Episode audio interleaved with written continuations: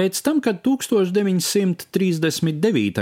gadā Spānijas pilsoņu karā uzvarēja nacionālisti, valsti ar stingru roku vairākas desmitgades vadīja ģenerālis Francisco Franco.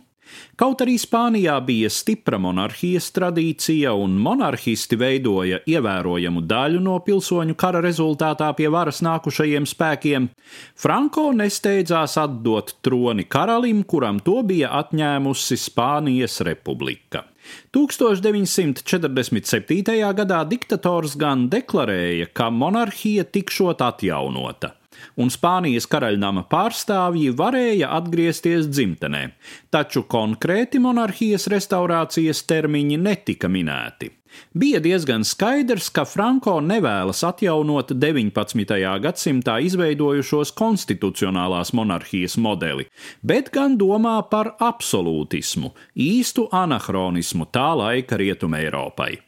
Pienākot pagājušā gadsimta 70. gadiem, un arī paša vadoņa mūžam ieritot 8. gadu desmitā, aktualizējās jautājums par nākamo valsts galvu.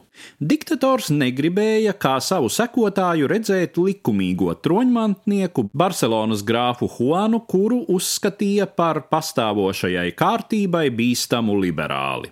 Daudz cerīgāks viņam šai ziņā šķita Juana dēls, princis Juans Karlos, un pēdējais arī visai veiksmīgi uzturēja vecišķajā vadonī šo ilūziju, zvērēdams uzticību valdošās falangistu partijas principiem un stādamies plecu pie pleca ar diktatoru parādēs un oficiālās pieņemšanās.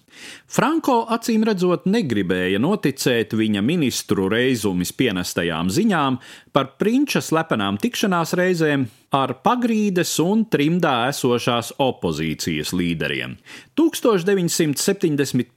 gada 20. novembrī ģenerālissimus Franko slēdza acis uz mūžu, domājams, būdams puslīdz drošs, ka varas mantinieks ies viņa iemīto autoritārisma, konservatīvisma un nacionālisma ceļu. Viņš maldījās. 1975. gada 22. novembrī, kad Juans Karlos I oficiāli kāpa Spānijas tronī, viņš uzsāka šajā Pireneju pussalas valstī ilgi gaidīto demokratizācijas procesu. Jaunā monarha uzdevums nepavisam nebija viegls. Par spīti jau iedibinātajām saiknēm ar kreiso un liberālo opozīciju, daudzi šai flangā joprojām neusticējās karalim kā Franko ieliktenim. Savukārt radikālās frankistu aprindas uzlūkoja viņu kā atkritēju, kurš nodod idejas, kurām vēl nesen zvērējis uzticību. Ievērojot frankistu joprojām lielo iespaidu armijā un radikālās tendences kreisajā flangā, kā arī basku atbrīvošanās kustības izvērsto bruņoto cīņu, demokratizācijas procesa fonā jau atkal sāka vīdēt pilsoņu kara rēks. Par laimi salīdzinoši daudzi gan falangistu totāli kontrolētajā likumdošanas sapulcē, ģenerāla kortesos, gan pašā falangistu kustībā, bet jo sevišķi spāņu sabiedrībā saprata pārmaiņu nepieciešamību.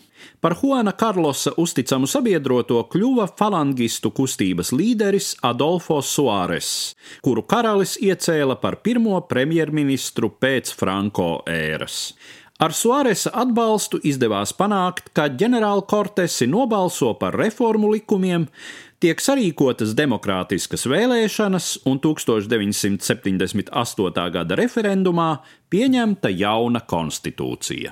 Vecā sistēma tika noārdīta, izmantojot pašas šīs sistēmas politiskos mehānismus.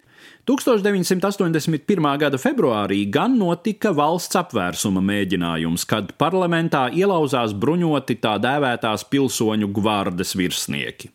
Karalis uzrunāja tautu televīzijā, aicinot nelokāmi atbalstīt demokrātiju. Pēc šiem notikumiem spāņu komunistu līderis Santiago Corrillo, kurš sākotnēji bija izturējies pret Juanu Karlosu I ar neusticību un ironiju, uzstājoties televīzijā, izsaucās: Dievs sargi karali un piebilda: Šodien mēs visi esam monarhisti. Stāstīja Eduards Liniņš.